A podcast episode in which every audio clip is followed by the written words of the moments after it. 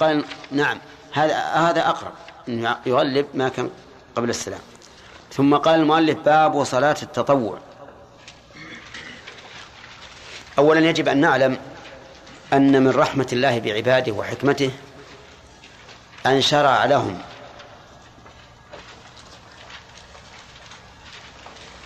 في في الواجبات نظيرها من التطوع. كل ركن من أركان الإسلام فله نظير من التطوع الصلاة لها تطوع والزكاة والصيام والحج له تطوع وهذا من رحمة الله بالخلق ومن حكمته. أما كونه من رحمته فلأن هذا التطوع يزداد به الإنسان ثوابا وأجرا وقربة إلى الله. وأما كونه من حكمته فلأن هذا التطوع تكمل به أو يكمل به نقص الفرائض يوم القيامة. وما من إنسان إلا وفي فرائضه نقص فمن حكمة الله ورحمته أن جعل هذا التطوع ليجبر به النقص. نقف على هذا الباب. نعم. نعم. ها؟ المراجعة أظن. من باب سجود السهو؟ ها؟ نعم. لو نسي السجود لو نسي سجود السهو ثم سلم للصلاة وخرج وأحدث هل نقول توضأ ثم اسجد توضأ السجود لا لا إذا خرج خلاص. أو أحدث ما ما يسجد. إذا طال الفصل أو خرج من المسجد أو أحدث ولو في المكان في مكانه فلا سجود. نعم. إذا قلنا أن المسبوق يتابع الإمام السجود عليه السلام. إذا إذا سجد إذا سلم الإمام فقام المأموم. هل يعود يعود ما لم يستتم قائما. فإن استتم قائما فلا يعود. أليس واجبا إذا كان فارق المحل. فارق المحل معذورا. نعم.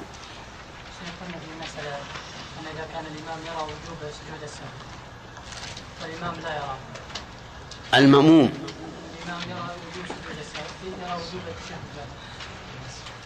أنت قلت الإمام يرى وجوب السجود والإمام لا يراه كذا قلت؟ ها قل الصواب الآن. الإمام يرى وجوب. وجوب إيش؟ وجوب السجود. والسهو طيب.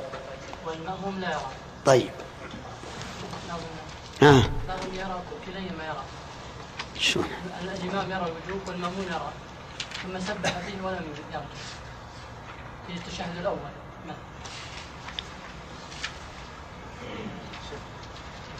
طيب. ثم سبح به ولم يرجع. قلنا أنه إذا تعد إذا إذا لم لم يرجع ولم يسجد له يسجد يسجد المأمون طيب. يسجد سجدتين ويسلم. يسجد سجدتين ويسلم. إي نعم. نعم.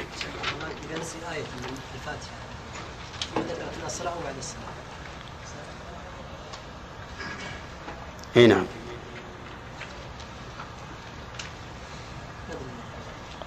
هي ركن الفاتحة قلنا ونسي آية منها طيب. ذهبت ويبي اشكال هذا إشكال الآن ما أعتبر ركن وش يا جماعة؟ نسي آية من الفاتحة. فماذا يصنع؟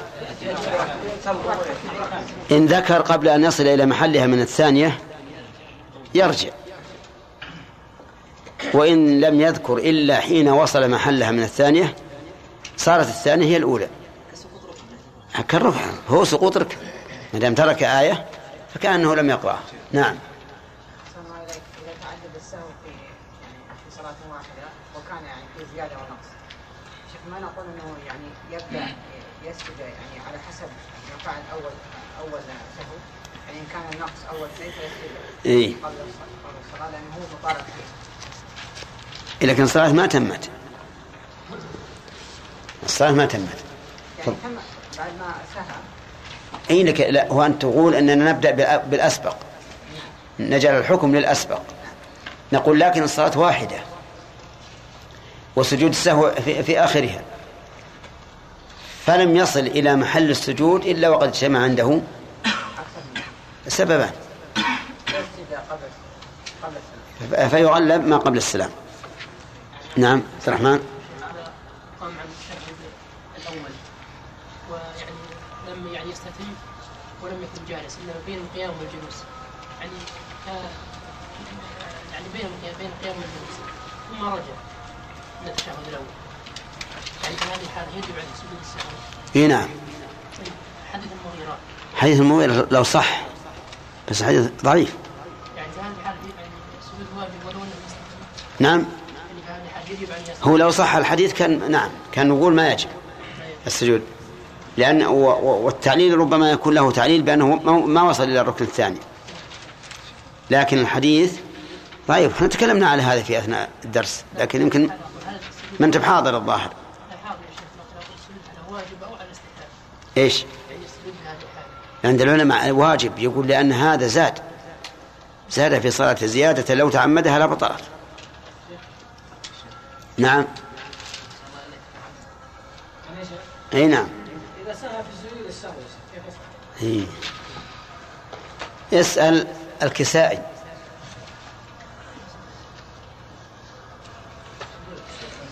نعم. يقال إن أبا يوسف وهو من الفقهاء اجتمع عند الرشيد ومعه الكسائي وهو من أئمة النحو. فقال الكسائي إن كل إنسان يتعمق في فن فإنه لا يخفى عليه الحكم في فن آخر.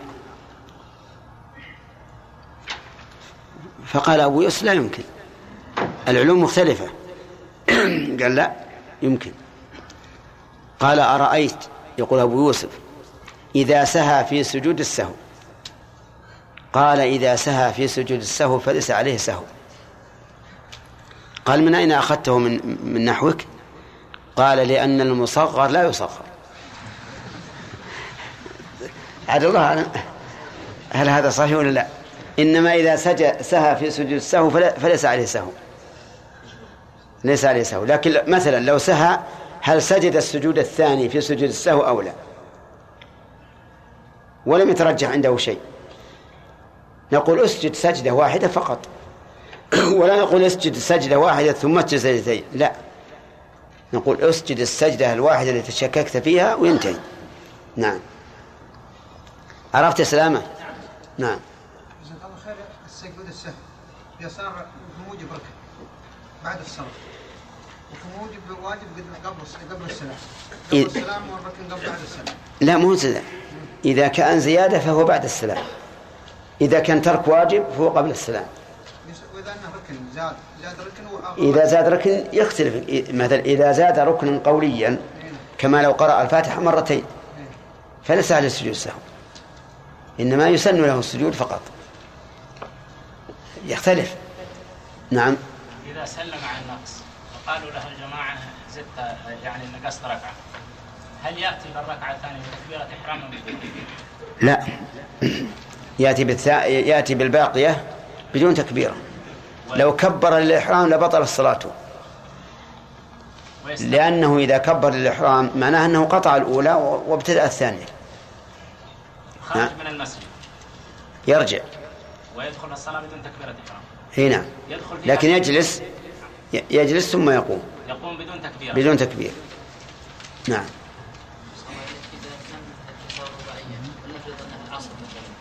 والإمام سهى في التشهد الأول. بعدين كبر. في ناس من من من الجماعة يعني ك- كبر. كبروا معه لا هو سهى نعم. بعد ما سهى طبعا كبروا قام يأتي بالركعة الثالثة. وناس من الجماعة جلسوا للتشهد الأول. اللي اللي وراه طبعا تقريبا رأوا فقاموا معه بعضهم قال سبحان الله شوي شوي بس الإمام اعتدل واقفا بعدين استمروا في آخر الصفوف ما ت- جلسوا للتشهد الأول. بعدين الإمام طبعا آه، ر- كبر للركوع ومنهم من؟ خلها الزابلة إن شاء الله. أذن. السؤال الأول يا شاكر. ما تقول في رجل سلم من ركعتين من الظهر. ثم ذكر. هل يتم أو لا يتم؟ سلم من ركعتين في صلاة الظهر وهو مقيم. ثم ذكر. فهل يبني على ما مضى من صلاته ويتمها أو يستأنفها؟ يتمها. خطأ. ها. إن قرب الزمن شرط آخر. وأن لا. وأن يتكلم لا يتكلم مصلحة لا في المسجد نعم. سلامة. لا لا يظن أنها كملت على في هذا لا إحنا قلنا سلم من الظهر على أنها الظهر. ألا يحدث. طيب. ألا ألا يفعل ما يمنع بناء آخرها على أولها. طيب كالحدث. طيب ما هو الدليل على هذا؟ حديث أبي هريرة في قصة ذي اليدين. طيب إيش هو؟ أن الرسول صلى الله عليه وسلم صلى العصر صلى بأصحابه إحدى صلاة العشي. نعم صلى بهم ركعتين ها. ثم سلم واتكى على خشبة المسجد ثم سلم ثم ذكروه فأتم. ها. هذا الدليل؟ طيب. آه، إذا بنى على ما مضى الأخ فمتى يسجد؟ قبل السلام أو بعده؟ يسجد قبل السلام. قبل السلام. الدليل؟ الدليل أنه كل نقص في في في الصلاة فسجوده قبل السلام. هذا تعليل. قائل أي القاعدة ما ما يقال. دليل هي تعليل. قول النبي صلى الله عليه وسلم ها. آه، فليسجد سجدتين قبل السلام وهذا عن النقص. قاله قال الرسول هكذا قال من سلم في من صلاته ثم ذكر فأتم فليسجد سجدتين قبل أن يسلم. صح. ترى بالنسبة للرسول ما هي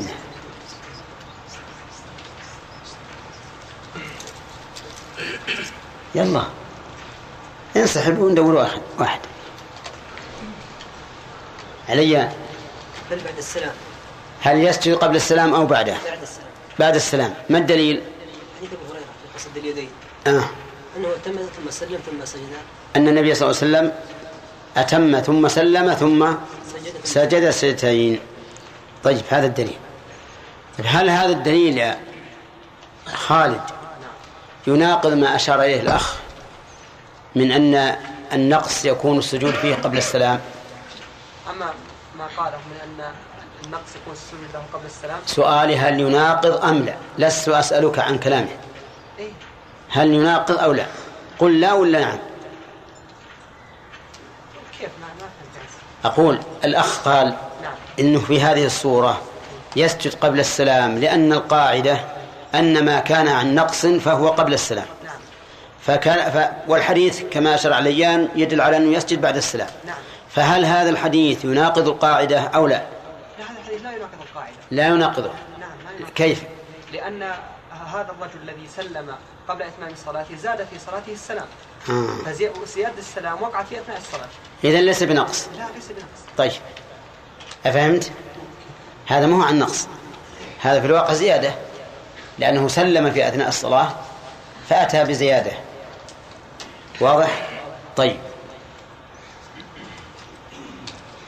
إذا نسي التشهد الأول. إي نعم. فكم حالة له؟ له أربع حالات. أربع حالات. الحالة الأولى إذا كان نوى القيام ولكنه يعني ما فرقت فخذيه لم ينهض. لم ينهض. طيب هذه واحد. هذا يتشهد ولا سجود عليه نعم. الحالة الثانية يعني الحالة الأولى سمعتم كلامه يا جماعة؟ الحالة الأولى. إذا هم أن ينهض عن التشهد الأول ثم ذكر وبقي. ففي هذه الحال ليس عليه شيء لأنه لم يزد في صلاته ولم ينقص. طيب الحالة الثانية؟ الحالة الثانية إذا نهض ولكنه لم يستتم قائما. نعم. في هذه الحالة عليه الرجوع. عليه الرجوع. الرجوع. والسجود؟ يسجد للسلام ويسجد بعد بعد السلام. ويسجد السهو بعد السلام. الحالة الثانية سمعتوها؟ إذا نهض لكن لم يستتم فعليه الرجوع والسجود بعد السلام. الحالة الثالثة. الحالة الثالثة إذا نهض واستتم قائما ولكنه لم يشرع في القراءة في هذه الحالة يكره رجوعه إلى السجود إلى التشهد ويسجد قبل السلام. في هذه الحال لا يرجع يكره أن يرجع. إذا يستمر في صلاته إذا ويسجد بعد يسجد قبل السلام. طيب الحالة الرابعة. الحالة الرابعة أنه يستتم قائما ويشرع في القراءة. أن يستتم قائما ويشرع في القراءة. ففي هذه في الحال هذه الحالة يحرم عليه الرجوع نعم. عليه السجود قبل السلام نعم. سمعتم الأحوال أربع. نعم. ودليل حديث المغيرة من شعبة على ما فيه من من مقال. طيب. آه، رجل شك في الزيادة يا هداية الله. هل يسجد للسهو أو لا يسجد؟ يسجد. خطأ. أنا في إيه شك في زيادة؟ شك في الزيادة نعم. هل يسجد أو لا يسجد؟ لا لا يسجد. خطأ. لا يسجد. لأن الشك فيه قولان في الزيادة فيه قولان. مم. بعضهم يقول كل من أنا أشرح هذا كله. لا أعطني الجواب على قدر السؤال. إذا شك في الزيادة فهل يجب عليه سجود السهو أو لا؟ بس. قل لا ولا نعم. لا ونعم كلاهما. لا ك- كلاهما جمع بين النقيضين. من شك في زيادة آه. من شك الرجل في في زيادة ركعة مثلا وله الرا- له رجح رجح. لا لا لا هذا في عدد الركعات. اللي تريد هذا في عدد الركعات. في زيادة. زيادة. عليه السجود. عليه السجود. إذا كان ركنا طيب شتون في تفصيل. آه. في تفصيل. إذا شك في أثناء الركعة. في, في أثناء الزيادة. في أثناء الزيادة عليه السجود. فعليه السجود. وإذا شك بعد الزيادة نعم. عليه ما تقولون؟ صحيح. طيب. إذا إذا شك في الزيادة فليس عليه سجود إلا أن يكون الشك وقت فعلها. وقت فعل الزيادة فعليه السجود. طيب ما هو التعليل لهذا التفريق؟ التعليل أن أن سجوده للزيادة الصلاة عن زيادة لا نعم أنا قصدي ما هو التعليل لكونه إن شك في الزيادة وقت الفعل فعليه السجود. وإن شك بعد فراغه فلا سجود عليه. لأنه وقت الفعل شك في جزء من صلاته. آه. وجب عليه. تردد في جزء من صلاته فوجب عليه سجود السجود جبرا لهذا التردد. طيب وإذا كان بعد؟ بعد إتمامه تمت صلاته على الوجه ال- إذا كان بعد ذلك فقد شك في سبب وجوب وجوب الز- سجود السبب. سجود- والأصل؟ والأصل عدم عدم ما يوجب السجود. فهمتم يا جماعة؟ ولا ما فهمتم واضح. أنتم يا ها؟ أعيد نفس هذا الآن إذا شك في الزيادة في أثناء فعلها وجب عليه السجود. وإن شك بعد انتهائها فلا سجود عليه. مثل شك في الرابعة وهو في أثناء الرابعة. هل هي خامسة ولا رابعة؟ نقول ها؟ عليه السجود. لأنه أدى هذه الركعة الرابعة وهو متردد هل هي زائدة أو غير زائدة؟ فأدى جزءا من صلاته مترددا فيه. أما لو كان حين جلس للتشهد الأخير شك هل صلى أربعا أم خمسا فنقول إيش؟ ليس عليه سجود. ليس عليه سجود. لأن لأنه شك في سبب وجوب السجود والأصل عدمه الأصل عدمه. طيب ما تقول يا آدم فيما لو شك في ترك واجب هل عليه السجود أو ليس عليه سجود؟ عليه عليه عليه السجود. مثاله؟ مثلا إذا إذا السجود الأول يعني التشهد الأول. شك هل ترك التشهد الأول أو لا؟ أي نعم. فعليه السجود. ما فيه قول ثاني ولا؟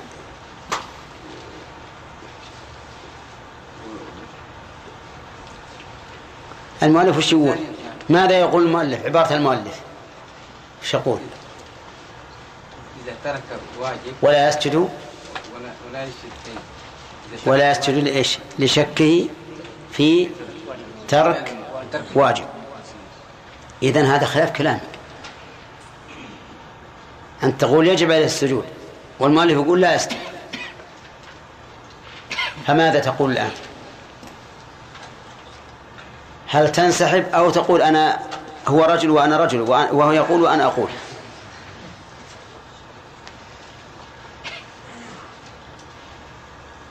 يلا يا أخي يسجد في ترك الواجب يسجد ما هو إلا تركه. إذا تيقن أنه تاركه يسجد ما في إشكال. لكن شك هل ترك الواجب أم لم يتركه.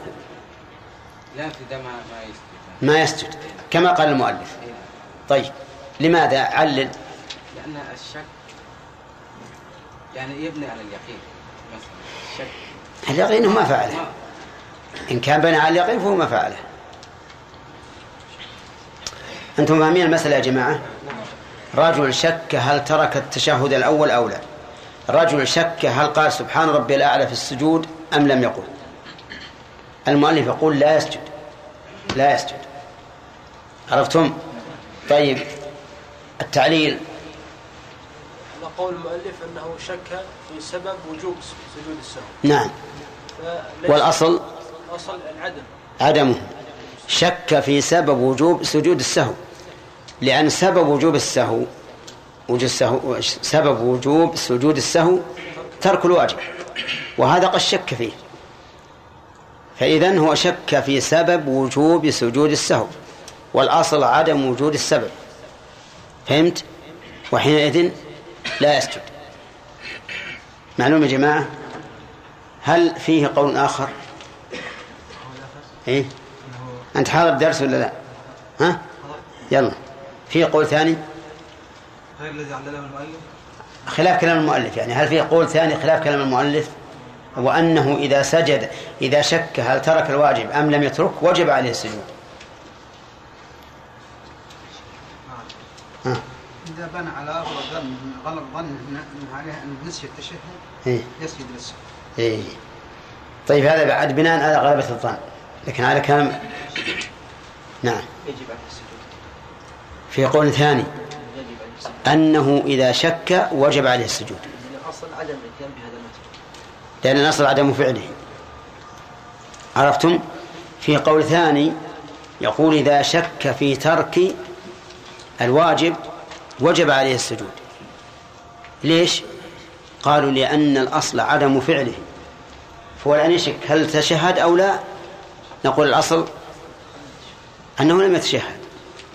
فيجب عليه السجود. وهذا القول ذكرنا أنه أصح أنه أصح.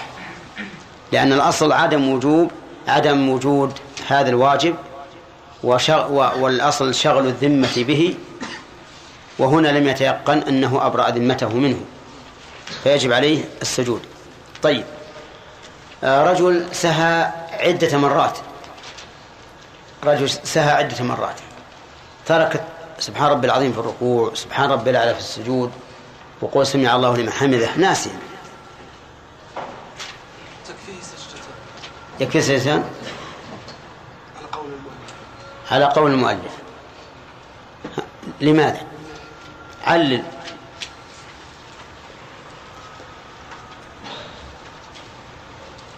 انه ترك اشياء توجب سجود السهو فتجزي عنه مثل لو اكل لحم جزور واحدث النار لأن تعددت الأسباب؟ ها؟ تعددت الأسباب. لمسبب واحد. طيب تعددت الأسباب. وتعدد الأسباب لا يوجب تعدد المسبب. كما لو بال وتغوط وأحدث بريح وأكل لحم إبل ونام. خمسة أحداث يكفيه وضوء واحد. طيب فيه قول آخر. ذكرناه. نعم سامي. كنا نبني على الأكثر يعني على ال- الذي تركه هو الأكثر إن كان ترك ال- الركن أو الواجب كيف؟ يعني إحنا نريد تعدد. نعم تعدد. تعدد يعني السجود. في ركعة ركوعان في ركعة. ركوعان في ركوع. لا لا. هذا الذي تريد إذا اجتمع سببان أحدهما يقتضي أن يكون السجود بعد السلام والثاني يقتضي أن يكون السجود قبل السلام فأيهما نغلب؟ هذا الذي تريد أنت. لكن أصل المسألة فيها قول ثاني. ذكرته لكم أظن. ما ذكرناه أنا الآن أذكره وتذكرونه هذا الحين. ذكرنا أن بعض العلماء يقول إذا اختلف محل السجود لزمه أربع سجدات. يعني إذا سهى مرتين. أحدهما إحداهما يقتضي أن يكون السجود بعد السلام والثاني يقتضي أن يكون قبل السلام فإنه يسجد مرتين مرة قبل السلام ومرة بعد السلام. قبل السلام مطلقا يغلب قبل السلام لا يغلق قبل السلام إذا إذا اقتصرنا على على سجدتين. لا اذا كان قبل على كلام المؤلف. ما ذكرنا هذا؟ بالاتفاق. والله ها؟ طيب. على كل حال فيه قول ثاني في المسألة. أنه إذا كان السبب الموجب للسجود يقتضي أن يكون السجود قبل السلام وسبب آخر يقتضي أن يكون السجود بعد السلام. فإنه يسجد مرتين مرة قبل السلام ومرة بعده. مثال ذلك ترك التشهد الأول وزاد ركعة في إحدى الركعات وزاد ركوعا في إحدى الركعات. فالأول محله والثاني بعد السلام. فيقولون اسجد مرتين. مرة قبل السلام لترك التشهد الأول ومرة بعده لزيادة الركوع. لكن المذهب لا يكفيه زيتان في في الجميع. ولكن أيهما يغلب؟ المذهب أنه يغلب ما قبل السلام لأنه أدخل في الصلاة. والقول الثاني الراجح يكفي سجود واحد. الراجح أنه سجود واحد يكفي. ويكون قبل السلام إذا اجتمع فيه سببان.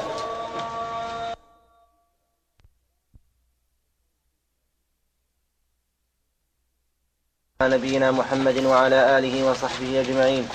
قال رحمه الله تعالى باب صلاة التطوع. آكدها كسوف ثم استسقاء ثم تراويح ثم وتر يفعل بين العشاء والفجر وأقله ركعة وأكثره إحدى عشرة. مثنى مثنى ويوتر بواحدة وإن أوتر بخمس أو سبع لم يجلس إلا في آخرها وبتسع يجلس عقب الثامنة ويتشهد ولا يسلم ثم يصلي التاسعة ويتشهد ويسلم وأدنى الكمال ثلاث ركعات بسلامين يقرأ في الأولى بسبح وفي الثانية بالكافرون وفي الثالثة بالإخلاص ويقنت فيها بس بعد بس بسم الله الرحمن الرحيم قال المؤلف رحمه الله تعالى باب صلاة التطوع. صلاة التطوع من باب إضافة الشيء إلى نوعه لأن الصلاة جنس ذات أنواع أو ذو أنواع. فصلاة التطوع يعني الصلاة ال- التي تكون تطوعا أي نافلة. والتطوع يطلق على فعل الطاعة مطلقا فيشمل حتى الواجب. قال الله تعالى إن الصفا والمروة من شعائر الله فمن حج البيت أو اعتمر فلا جناح عليه أن يطوف بهما ومن تطوع خيرا فإن الله شاكر عليم. مع أن الطواف بهما ركن من أركان الحج والعمرة. ولكن المراد بالتطوع في اصطلاح الفقهاء كل طاعة ليست بواجبة. كل طاعة ليست بواجبة. ومن حكمة الله عز وجل ورحمته بعباده أن شرع لكل فرض تطوعا من جنسه ليزداد المؤمن إيمانا بفعل هذا التطوع ولتكمل به الفرائض يوم القيامة. فإن الفرائض يعتريها النقص فتكمل بهذه التطوعات التي من جنسها. وإذا نظرنا إلى العبادات وجدنا أن كل عبادة مفروضة لها تطوع من جنسها. فالوضوء له واجب وتطوع. والصلاة واجب وتطوع. والصدقة واجب وتطوع.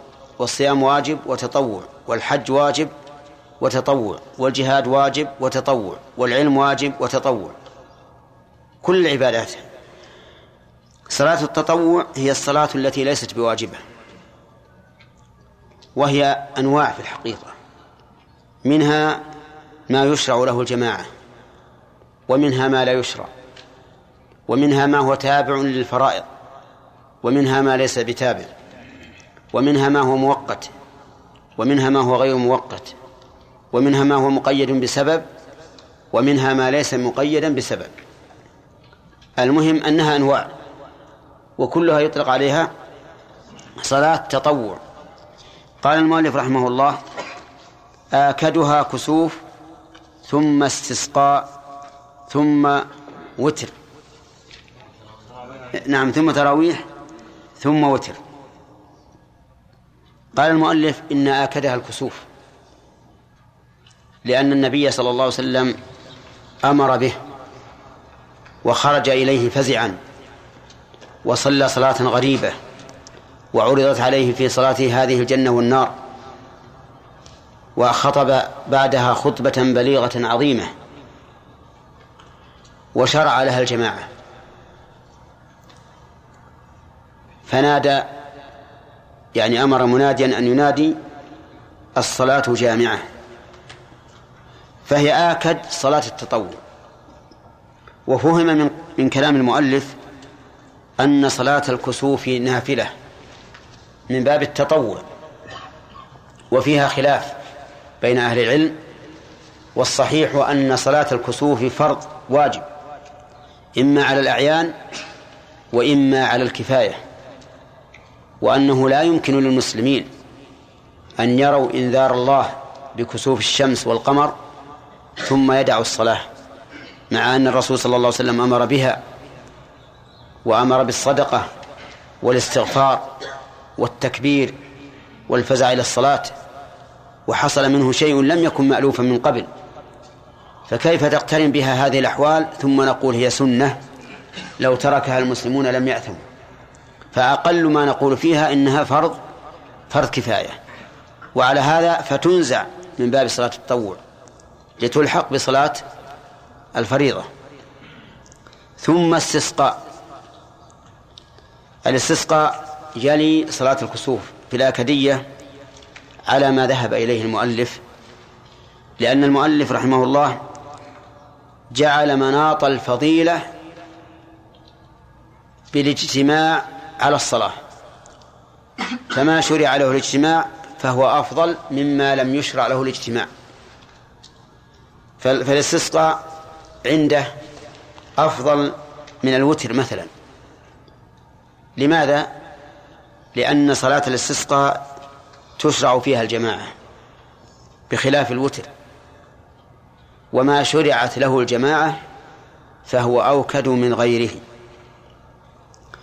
ولكن في هذا نظرا. والصواب أن الوتر أوكد من الاستسقاء. لأن الوتر داوم عليه النبي صلى الله عليه وسلم. وأمر به. فقال إذا خشي أحدكم الصبح صلى واحدة فأوترت له ما قد صلى. وقال يا أهل القرآن أوتروا.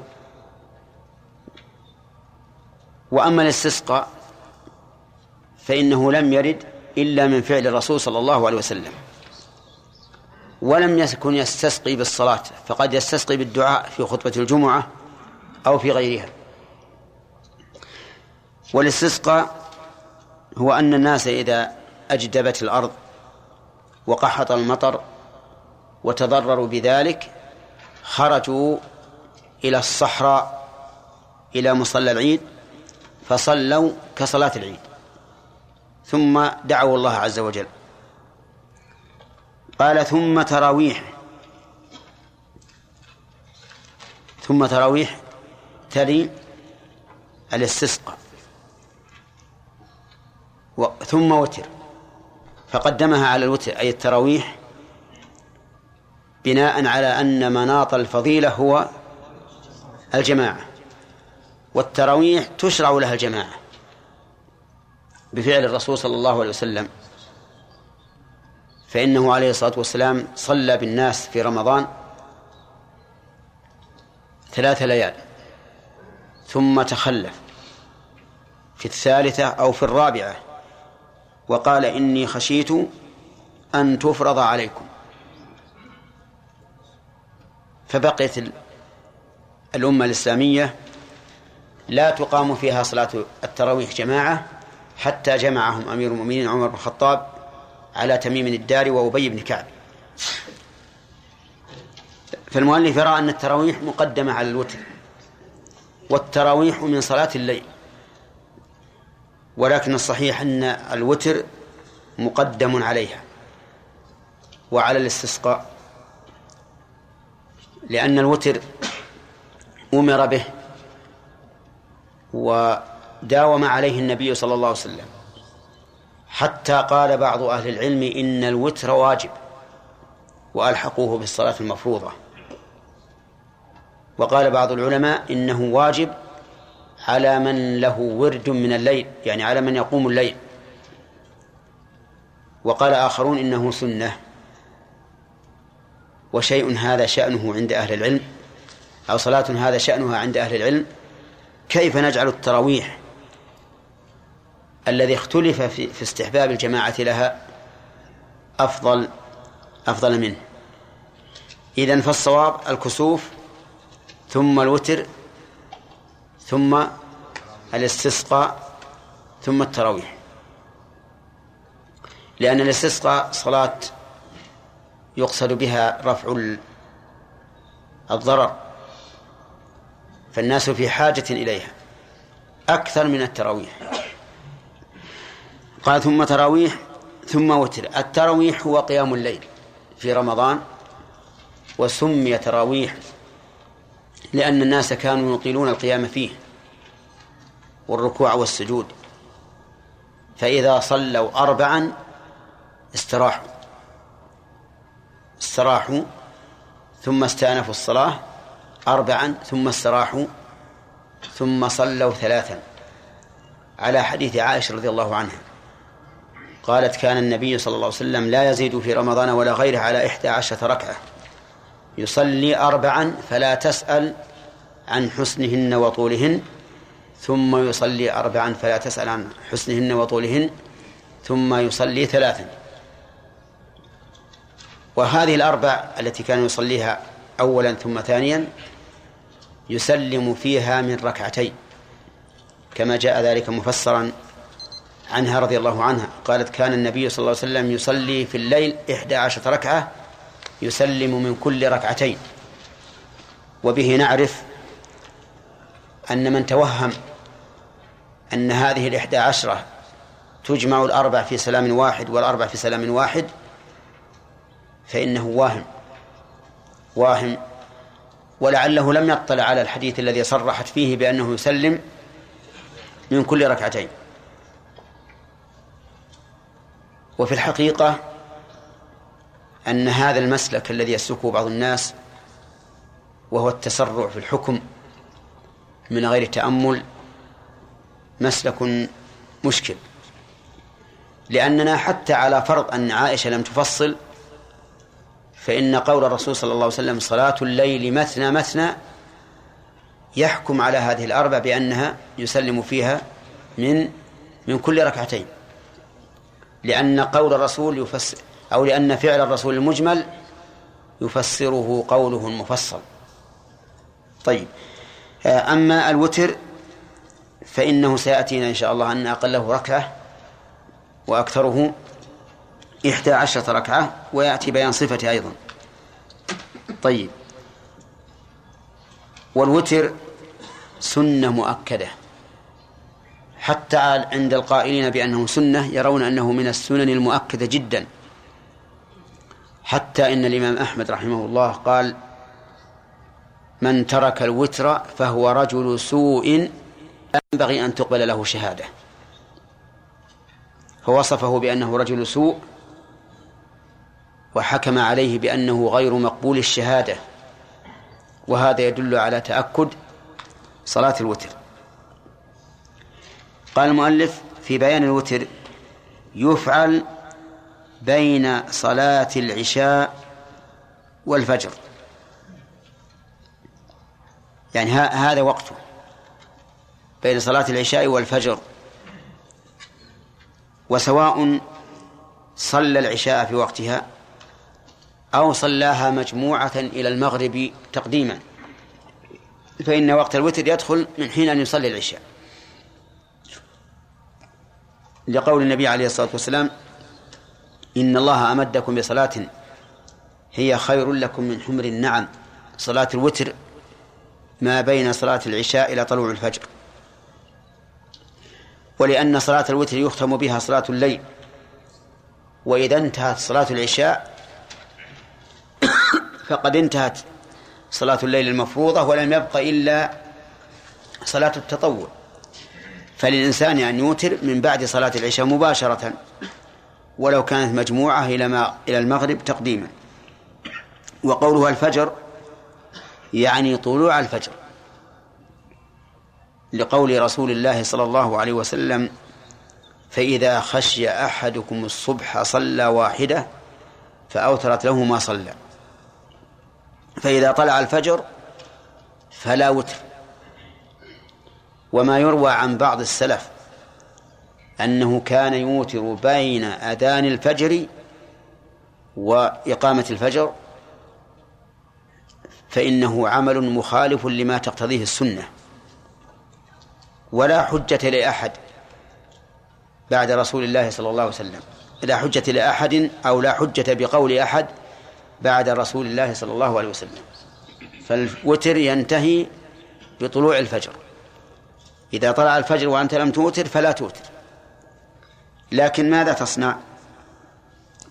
تصلي في الضحى وترا مشفوعا بركعة. فإذا كان من عادتك أن توتر بثلاث صليت أربعا. وإذا كان من عادتك أن توتر بخمس فصلي ستا. لحديث عائشة رضي الله عنها أن الرسول أن رسول الله صلى الله عليه وسلم كان إذا غلبه وجع أو نوم صلى من النهار ثنتي عشرة ركعة. طيب إذن وقته ما بين صلاة الفجر آه، صلاة العشاء إيش؟ وطلوع الفجر. ولا صلاة الفجر؟ طلوع الفجر. طيب. قال المؤلف وأقله ركعة. آه، لم يتكلم رحمه الله. هل الأفضل تقديمه في أول الوقت أو تأخيره؟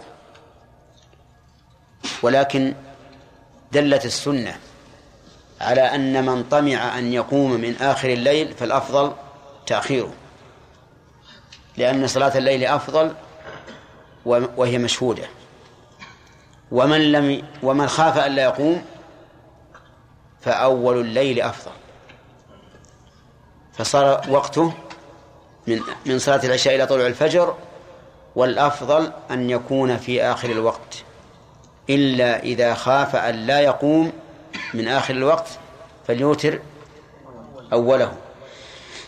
طيب ثم قال المؤلف وأقله ركعة. أقله ركعة. لأنه يحصل بها الوتر. ولقول النبي صلى الله عليه وسلم الوتر ركعة من آخر الليل.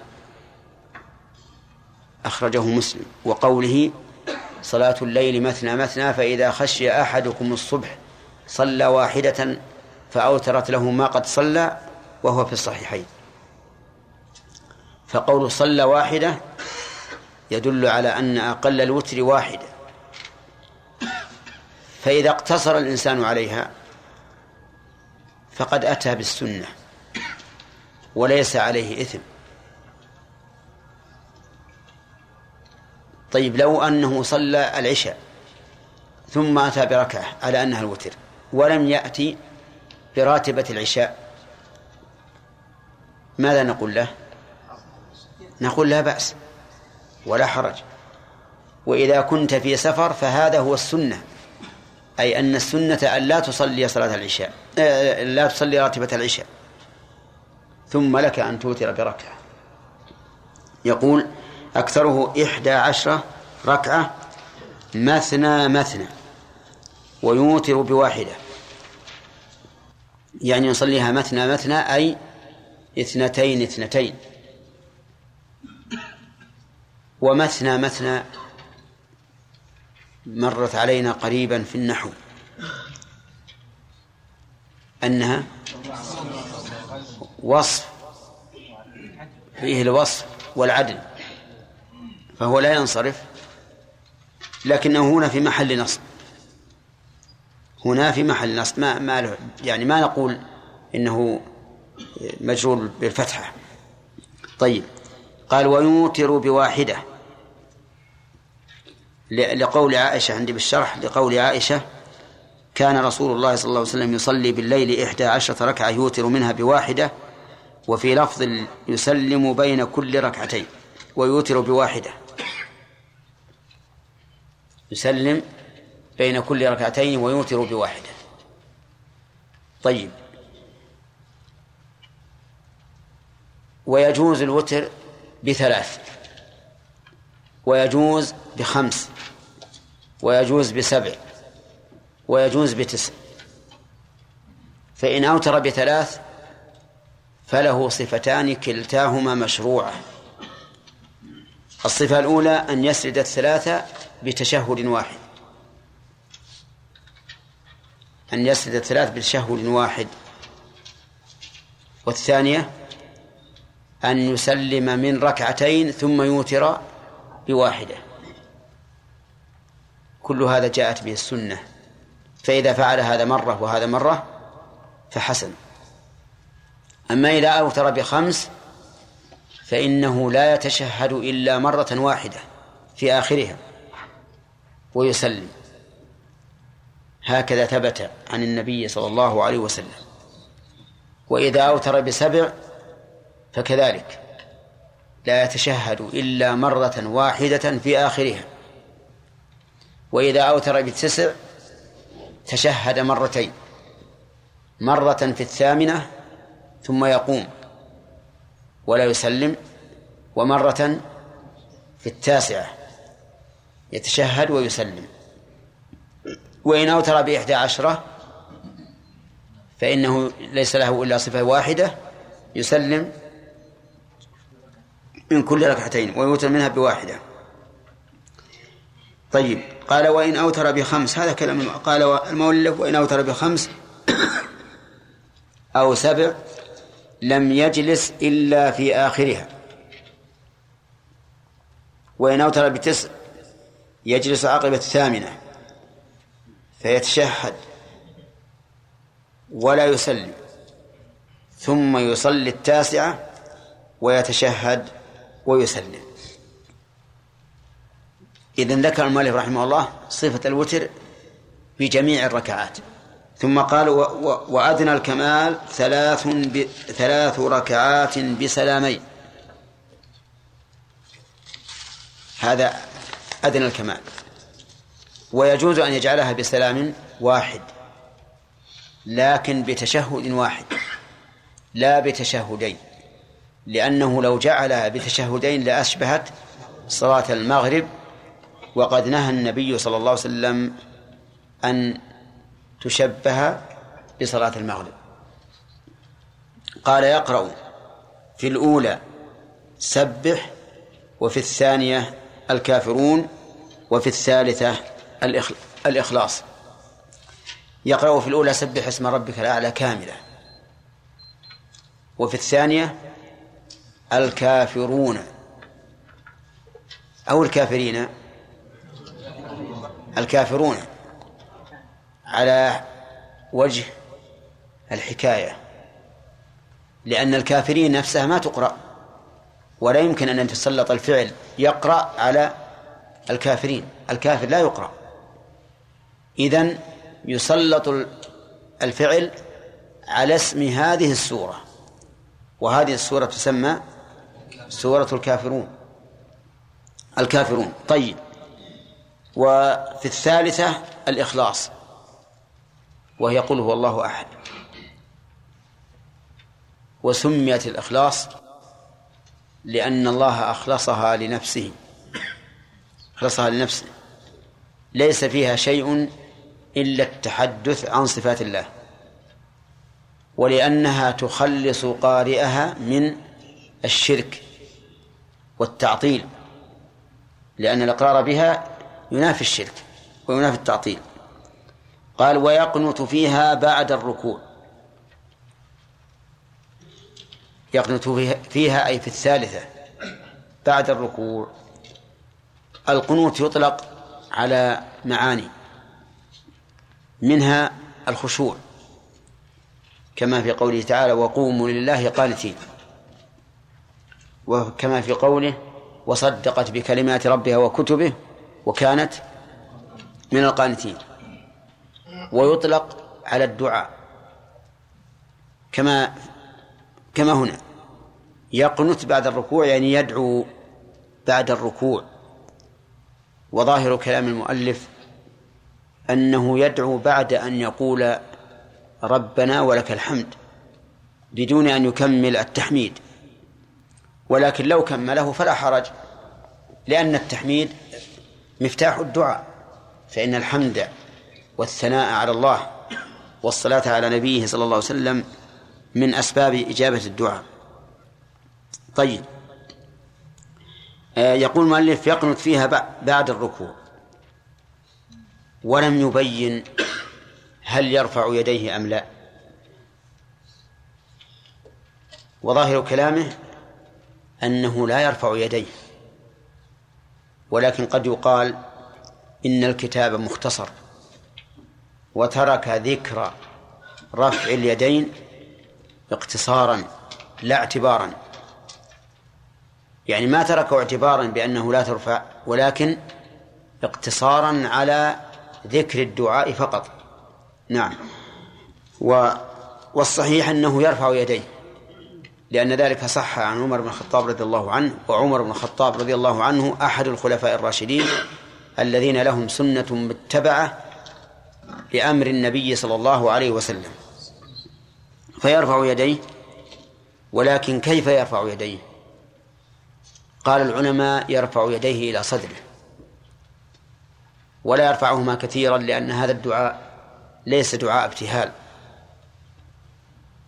يبالغ فيه الإنسان بالرفع ولكنه يرفع إلى صدره لأنه دعاء رغبة فيرفع إلى صدره ويبسط يديه هكذا وظهورهما إلى السماء. هكذا قال أصحابنا رحمهم الله. وظاهر كلام أهل العلم أنه يضم اليدين بعضهما إلى بعض. يضم اليدين بعضهما إلى بعض كحال المستجدي الذي يطلب من غيره أن يعطيه شيئا. وأما بعض الناس يفرق هكذا فلا أعلم لهذا أصلا لا في السنة ولا في كلام العلماء. طيب يقول يقنط بعد الركوع ويقول اللهم اهدني فيمن هديت وعافني فيمن عافيت إلى آخره.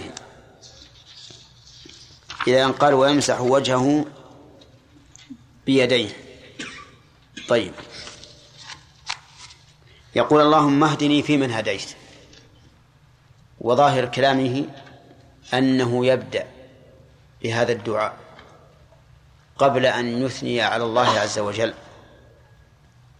لكن صح عن عمر أنه يبدأ بقوله اللهم إنا نستعينك ونستهديك ونستغفرك ونتوب إليك ونؤمن بك ونتوكل عليك ونثني عليك الخير كله ونشكرك ولا نكفرك.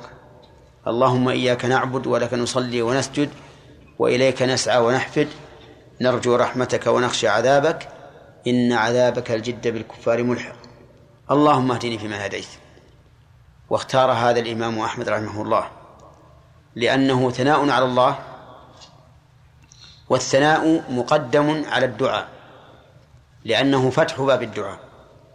يقول اللهم اهدني فيمن هديت. اللهم أصله يا الله لكن حذفت ياء وعوض عنها الميم.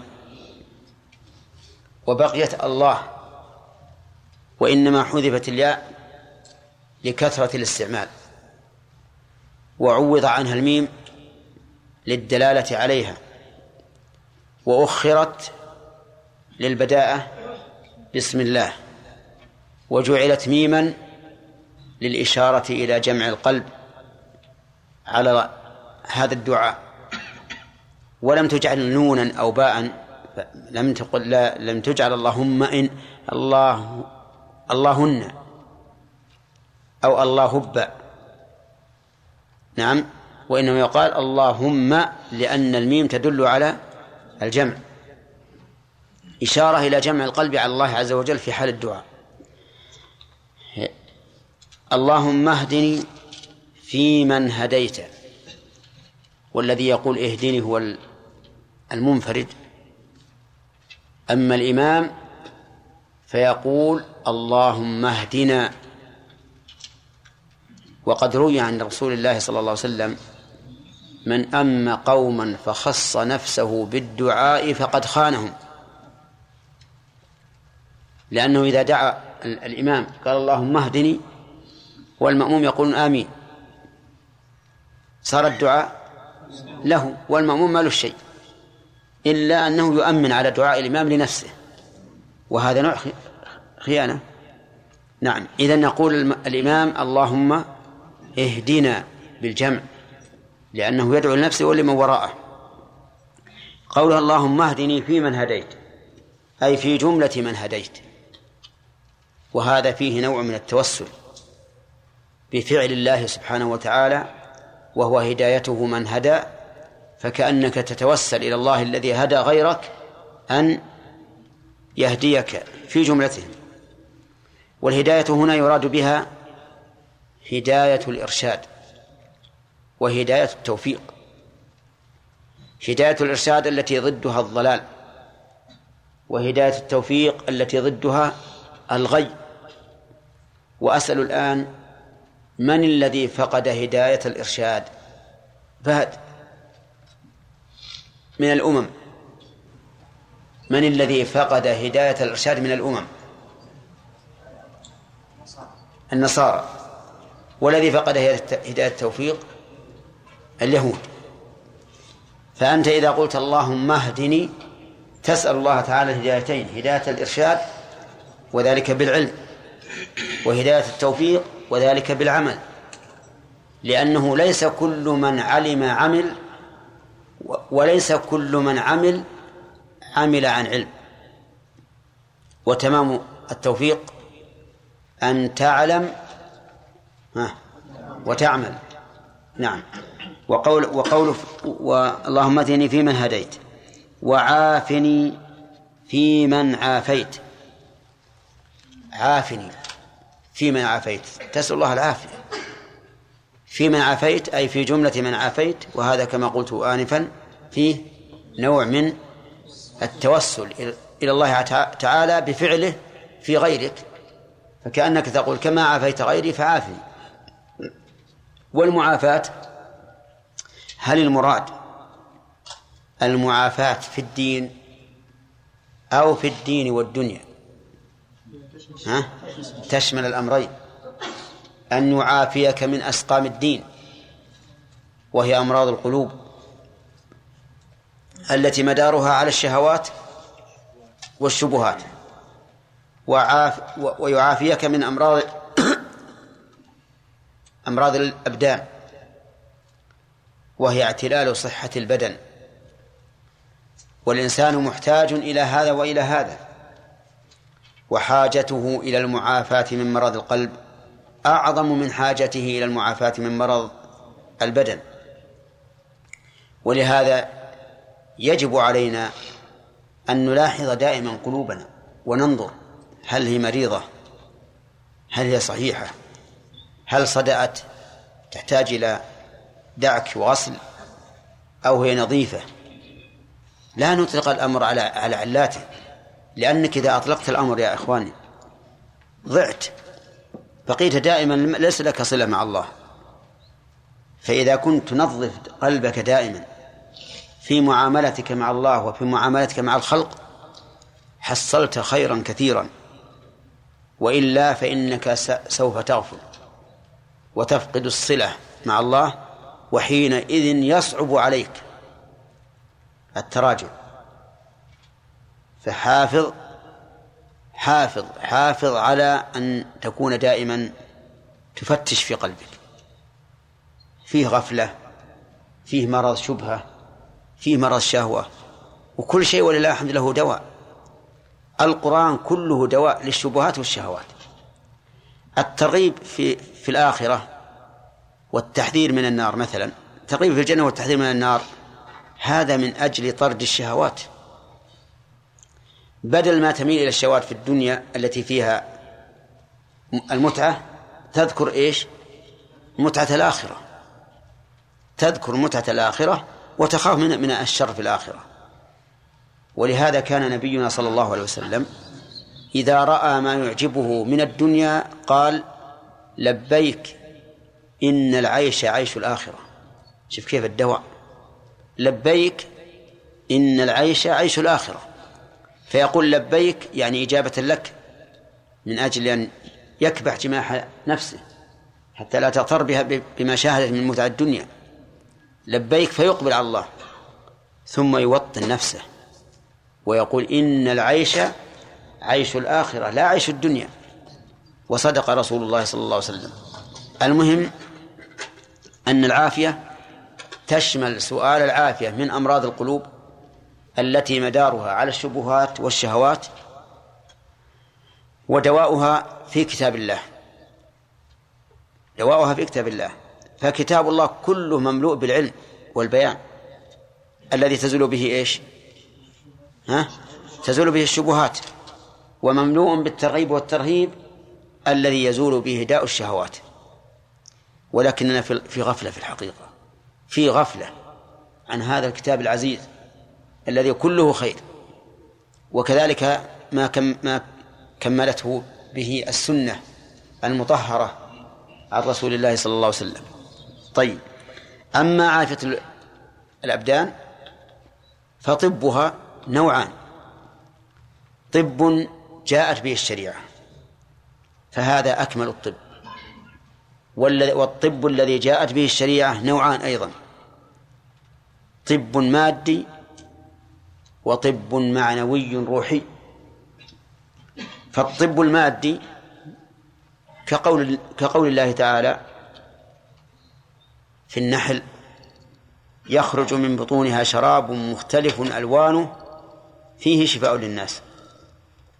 وكقول النبي صلى الله عليه وسلم في الحبة السوداء إنها شفاء من كل داء إلا السام. وكقوله صلى الله عليه وسلم في الكمأة الكمأة من المن وماؤها شفاء للعين. وأمثال ذلك. هذا طب نبوي مادي. والثاني الطب النبوي المعنوي الروحي وذلك بالقراءة. بالقراءة على المرضى. وهذا قد يكون أشد تأثيرا وأسرع تأثيرا. انظر إلى رقية النبي صلى الله عليه وسلم للمرضى. تجد أن المريض يشفى في الحال. فإنه لما قال في يوم خيبر لأعطين الراية غدا رجلا يحب الله ورسوله ويحبه الله ورسوله يفتح الله على يديه. بات الناس تلك الليلة يخوضون. من هذا الرجل؟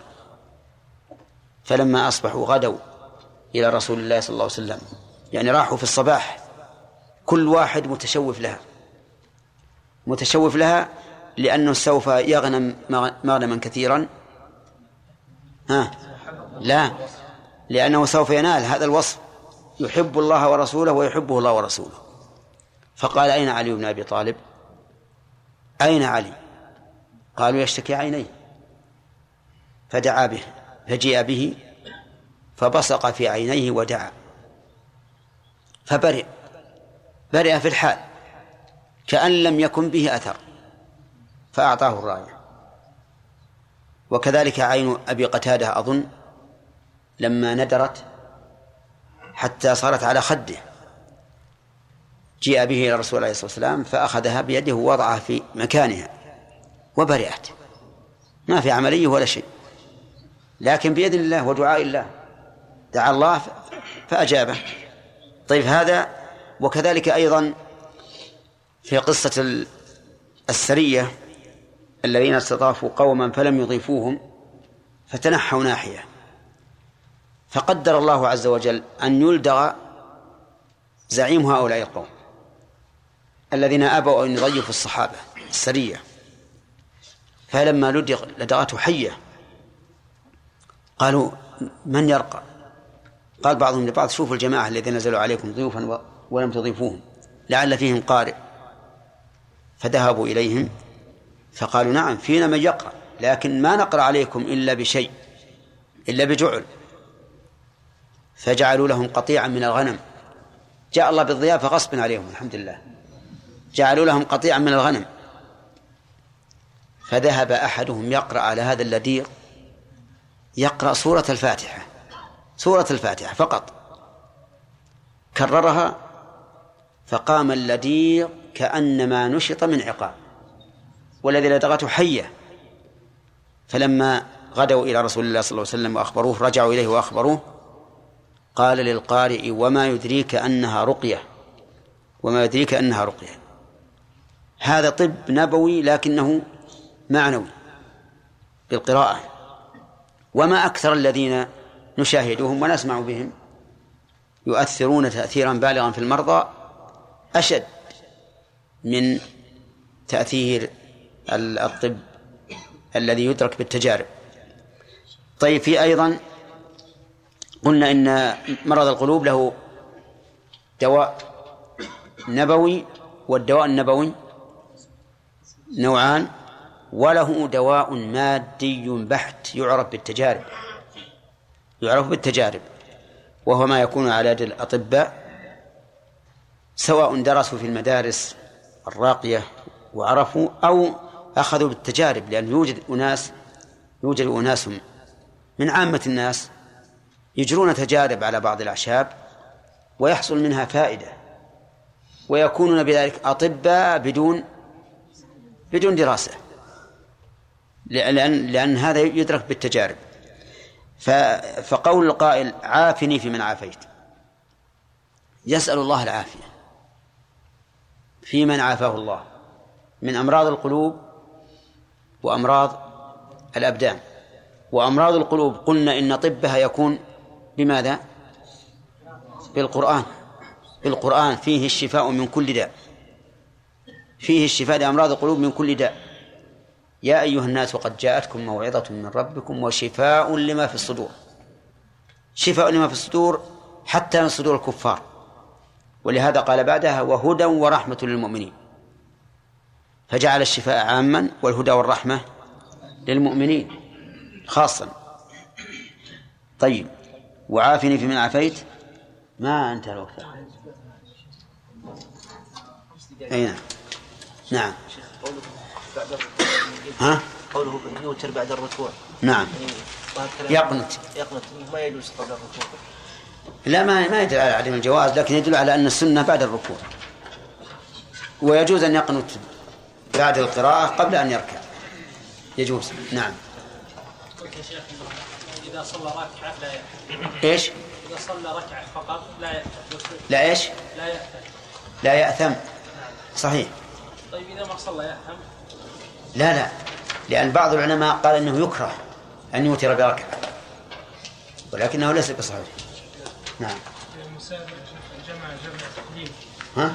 صلى جمع تقديم. نعم. العشاء والمغرب. هل له أن يوتر قبل الأذان يا شيخ؟ إيه نعم. من يوم يصلي العشاء؟ لو صلى العشاء والمغرب بعد أن مضى ربع ساعة من الوقت. نعم يعني استعجل حتى صلى بعد أكمل الصلاتين بربع ساعة. افرض المسافر صلى المغرب ثلاثا من حين غربت الشمس والعشاء اثنتين فليوتر. ما في مانع. نعم نص الله إليك عبارة بعض العلماء ينبغي أو لا ينبغي. هل هذه يأخذ منها وجوب أو استحباب أو ماذا؟ لا. إذا قال ينبغي فهو تشير إلى أنه أش... يعني أعلى رتبة من يسن ولكنه لا... لا ليس واجبا. وكذلك إذا قال لا ينبغي فهو دون الحرام لكنه لا ينبغي أن يفعله. إلا في القرآن. في القرآن والسنة لا ينبغي يعني الممتنع غاية الامتناع. كما في قوله تعالى وما ينبغي للرحمن أن يتخذ ولدا. وكما في قول الرسول عليه الصلاة والسلام إن الله لا ينام ولا ينبغي له أن ينام.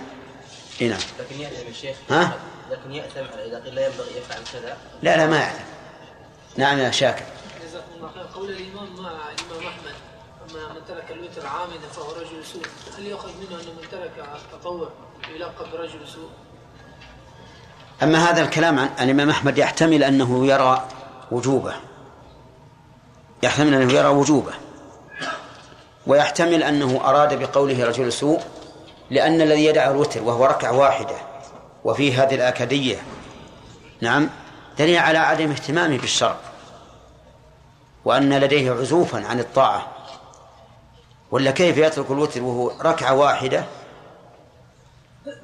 كيف وين الديانة والاستقامة؟ نعم. بعض الناس يوتر أول الليل فإذا استيقظ آخر الليل صلى واحدة لكي تشفع الأولى ثم يوتر هذا روي عن ابن عمر ويسمى نقض الوتر لكنه ليس بصحيح. ذكرنا أن للتطوع اصطلاحان أو اصطلاحين. يلا حمد.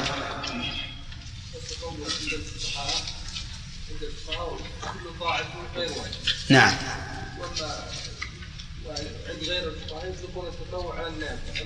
في الشرع. لا. هذه نافلة هي الطاعة غير واجبة. نعم. ها؟ على فعل الطاعة على كل طاعة ولو واجبة. ولو واجبة. طيب.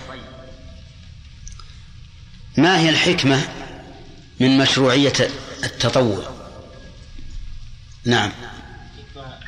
أولا حتى تجبر ما نقص في الواجبات وتزيد إيمان المؤمن وتعوده على كثرة الطاعات. نعم. إذا جبر ما نقص من من الفرائض والثاني زيادة عمل المؤمن. لأنه لولا أن الله شرع لكانت لكانت بدعة لا تحل. طيب. ذكرنا أن كل واجب من واجبات الإسلام له تطوع. الصلاة. ها. الصلاة لا تطوع. الحج له تطوع. الحج له تطوع. الصيام له تطوع. الصيام له تطوع. الزكاة لها تطوع. الزكاة لها تطوع. الزكاة لها تطوع. ها. أو الصدقة. الص- الص- الصدقة؟ هي الصدقة. الصدقة لها تطوع. طيب بر الوالدين. كيف؟ بر الوالدين. بر الوالدين؟ نعم. لا البر واحد. ها؟ له تطوع. له تطوع. أقل ما يسمى برا هذا واجب. وما زاد فهو تطوع. كل العبادات لها تطوع. طيب. ما هو آكد عبادات البدن؟ آكد عبادات البدن؟ محمد. على قول المعلم صلاة لا هذا الصلاة. أنا أظن ما قلتها لكم الحقيقة. أي طيب. إذا نقولها الآن عشان آكد ما يتطوع به من العبادات البدنية الجهاد. وقيل العلم. وقيل العلم. فمن العلماء من فضل العلم ومن العلماء من فضل الجهاد. والصحيح أنه يختلف باختلاف الفاعل وباختلاف الزمن. فقد نقول لهذا الشخص إن الأفضل في حقك الجهاد وللشخص الآخر إن الأفضل في حقك العلم. العلم. فإذا كان هذا الرجل شجاعا قويا نشيطا بليدا فالأحسن له؟ ها؟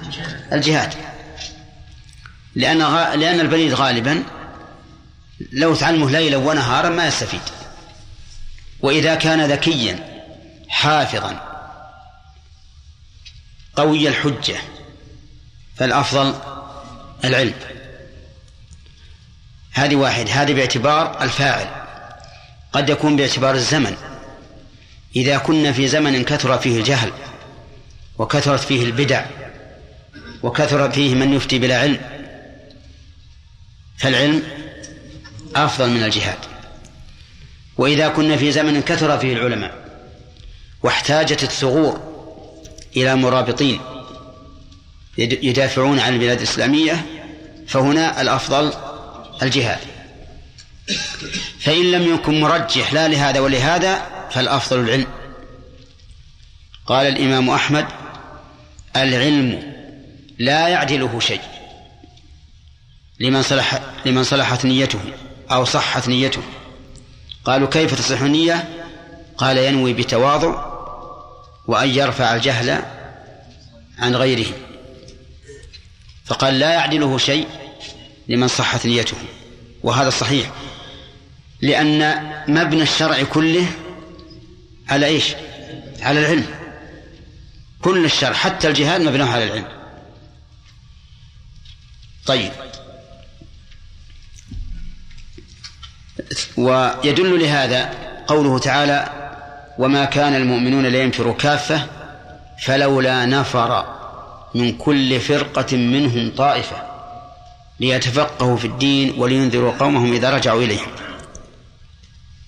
فنفى الله أن ينفر المسلمون كلهم إلى الجهاد. وقال لا يمكن هذا. ولكن ينفر طائفة ويبقى طائفة تتعلم حتى إذا رجع قومهم إليهم أخبرهم بما عندهم من الشرع ولكن يجب في الجهاد وفي العلم يجب تصحيح النية وإخلاصها لله عز وجل وهو شرط شديد إخلاص النية. قال الإمام أحمد رحمه الله شرط النية شديد. لكنه حبب إلي فجمعته.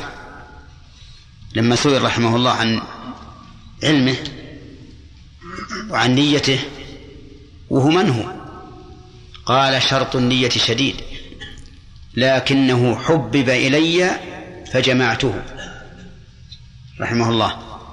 ولكن لا شك أن نيته صالحة.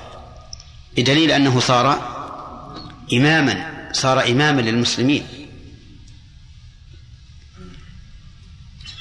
قال قال ابن مفلح في كتاب الفروع قال وهذا معنى قولهم طلبنا العلم لغير الله فأبى أن يكون إلا لله. وقد ذكر رحمه الله بن مفلح في أول باب صلاة التطوع بحثا جيدا جدا في المفاضلة بين الأعمال وفي العلم وطلبه ونقل نقولا جيدة لا تكاد تجدها في غيره بل أنا ما وجدتها في غيره. فمن أحب منكم أن يراجعه فهو طيب.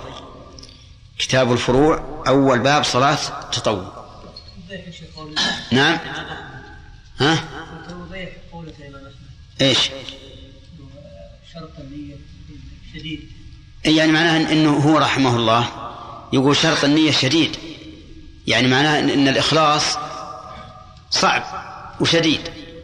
كثير من طلبة العلم يطلبون العلم للعلم. ما يكون على بالهم أنهم يريدون أن يرفعوا الجهل عن أنفسهم وعن غيرهم بس لأنهم يحبون العلم. ولهذا قال ولكن حبب إلي العلم فجمعته. طيب ما هو أفضل التطوع في باب الصلاة. خالد. في باب الصلاة. على كلام المؤلف على الكسوف على كلام المؤلف ما على كلام المؤلف ها. ها ثم.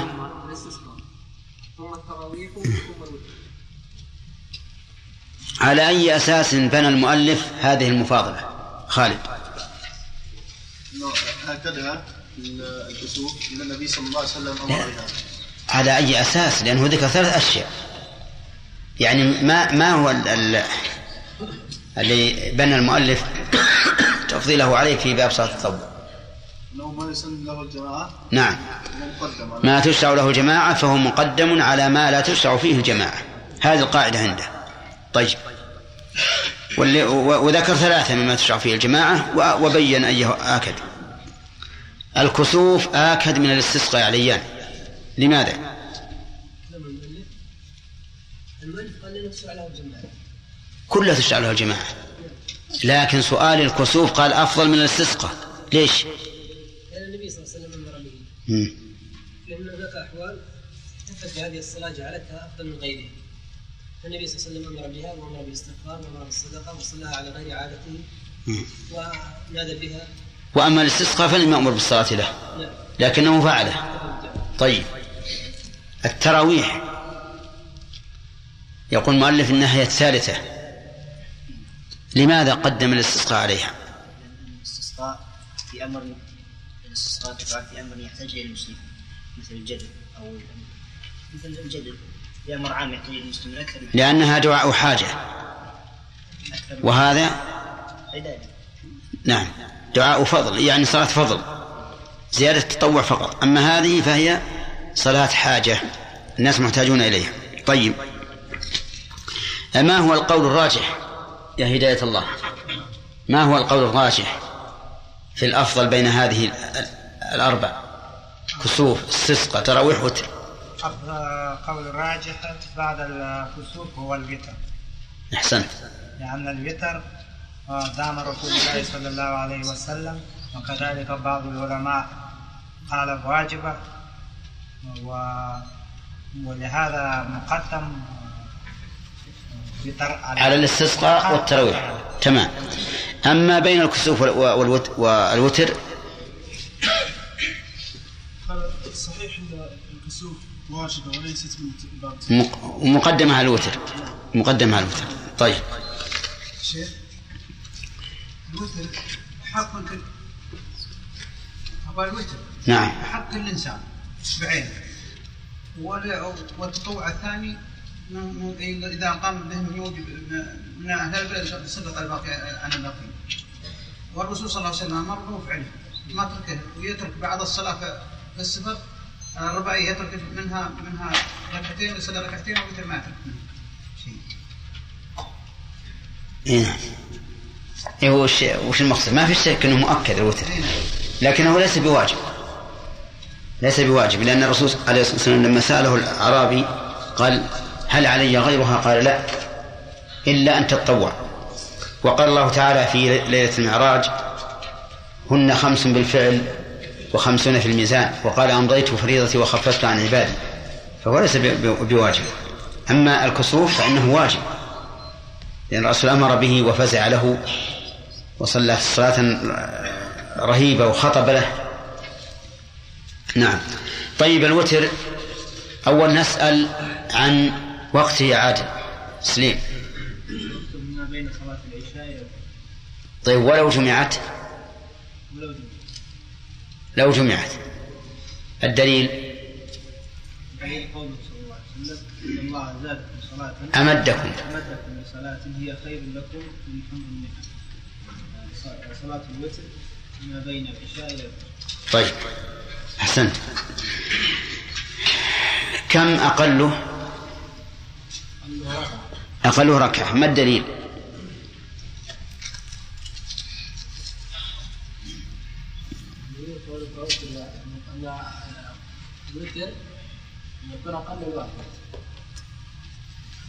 ما عندك دليل؟ نعم يا النبي النبي صلى الله عليه وسلم أنه قال الوتر ركعه واحدة في آخر الليل. طيب ما هنا أصح منه؟ فعله عشرة من الصحابة. إيه. نعم هذا فعل الصحابة لكن نبي دليل عن الرسول. يعني الرسول صلى الله عليه وسلم قال يحفظ القرآن أو إيه. يا آدم ماذا بدليل؟ نبي الدليل على أنه ركعة. دليل قام دليل؟ حديث ابن عمر رضي الله تعالى عن عبد الله بن عمر رضي الله تعالى عنه. عنهما. رضي الله تعالى عنه. عنهما. أبو مؤمن. نعم. قال رجل إلى النبي صلى الله عليه وسلم فقال يا رسول الله في صلاة الليل فقال مثنى مثنى فإن فإن خفت الصبح فأوتر بواحدة رواه الجماعة. إيه، صح. هذا الدليل. قال صلاة الليل مثنى مثنى. فإذا خشي أحدكم الصبح صلى واحدة فأوترت له ما قد صلى. فصلى واحدة فأوترت طيب. هذا دليل أقلها ركعة. نعم. قال قبلها مثنى إيه صلاة الليل ما سماها وترا. إيه ثم قال إذا خشى الصبح فليوتر واحد بواحدة طيب.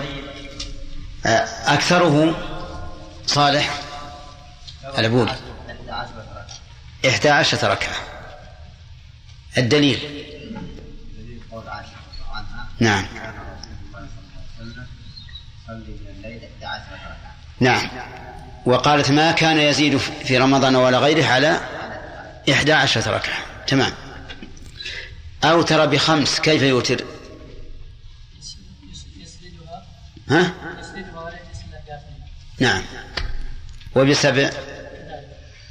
وبتسع؟ نعم.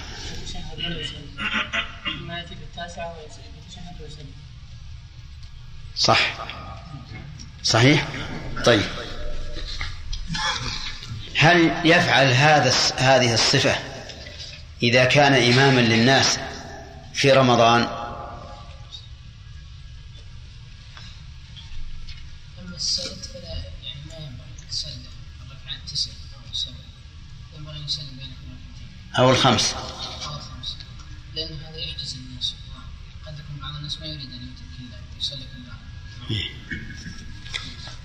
أي نعم تمام. ها؟ وسلم في رمضان ما فعلها وأن الرسول ما فعله في رمضان إنما كان يفعله في بيته. ما صارت صلاة تراويح؟ صارت قيام الليل نعم. وصارت وترا. لا وفي أشد شيء نعم. يعني صلاة الليل يعني عليه من سن وسبعه على من؟ هذا هو كلام خالد. يقول يحجز المأمومين فيؤذيهم. وفيها أيضا مفسدة. الداخل سوف ينوي صلاة صلاة الليل. الداخل اللي ما يدري عنه سين- سينوي صلاة الليل. فإذا هو وتر. عرفتم؟ لأنه ما يعلم إن, إن هذا يوتر. أنه يوتر. طيب إذا ما فعله بعض الناس اجتهادا فهذا من الاجتهاد الذي لم يكن مصيبا. وهذا هو الذي أنا أحثكم عليه على أن تطلبوا العلم حتى لا تأخذوا بأطراف الأدلة وتمسكوا العصا من وسطه حتى تعرفوا ويتبين لكم الشيء الذي هو مراد الله ورسوله والذي ليس مراد الله ورسوله. نعم طيب. إيه، إذا أوتر بثلاث فلها ثلاث صفات. نعم. الجماعة الثلاثة مع بعض نعم. يصلي ركعتين ويوتر بواحدة يصلي ركعتين ويسلم. نعم. أنا قلت ثلاث. وهي اثنين موجودة اثنين أي طيب. الثالثة أي نعم. صلاة المغرب. من يعني؟ أحسنت. الثالثة أن يوتر كالمغرب وهذه منهي عنها ليست مشروعة. يعني يتشهد بعد الث- الثانية. ثم يأتي بالثالثة فهذه غير مشروعة. منهي عنها؟ طيب إذا أوتر بثلاث يقرأ جمال؟ في كل ركعة. نعم. سنة. قال المؤلف رحمه الله نبدأ الآن. ويقنت فيها. أي طيب ما يخالف. أنا ودي أتكلم على يقنت قال ويقنت فيها. يؤخذ من كلام المؤلف رحمه الله أنه يقنت كلما أوتر لأنه جعل القنوت من صفة الوتر اللازمة. قال يقنت فيها بعد الركوع. ولكن من تدبر صلاة النبي صلى الله عليه وسلم في الليل التي شهدها جماعة من الصحابة تبين له أنه كان لا يوتر. لا يقنس تبين أنه كان لا يقنت. لأنه لأنهم لا يذكرون القنوت. مع أن الحاجة داعية إلى ذكره. وذكروا ما هو أدنى منه. فدل هذا على أن الرسول صلى الله عليه وسلم لم يكن يقنت في الوتر. ولهذا لم يصح عنه أنه قنت في الوتر لكن روي أحاديث قد تصل إلى درجة الحسن وقد تنقص عنه.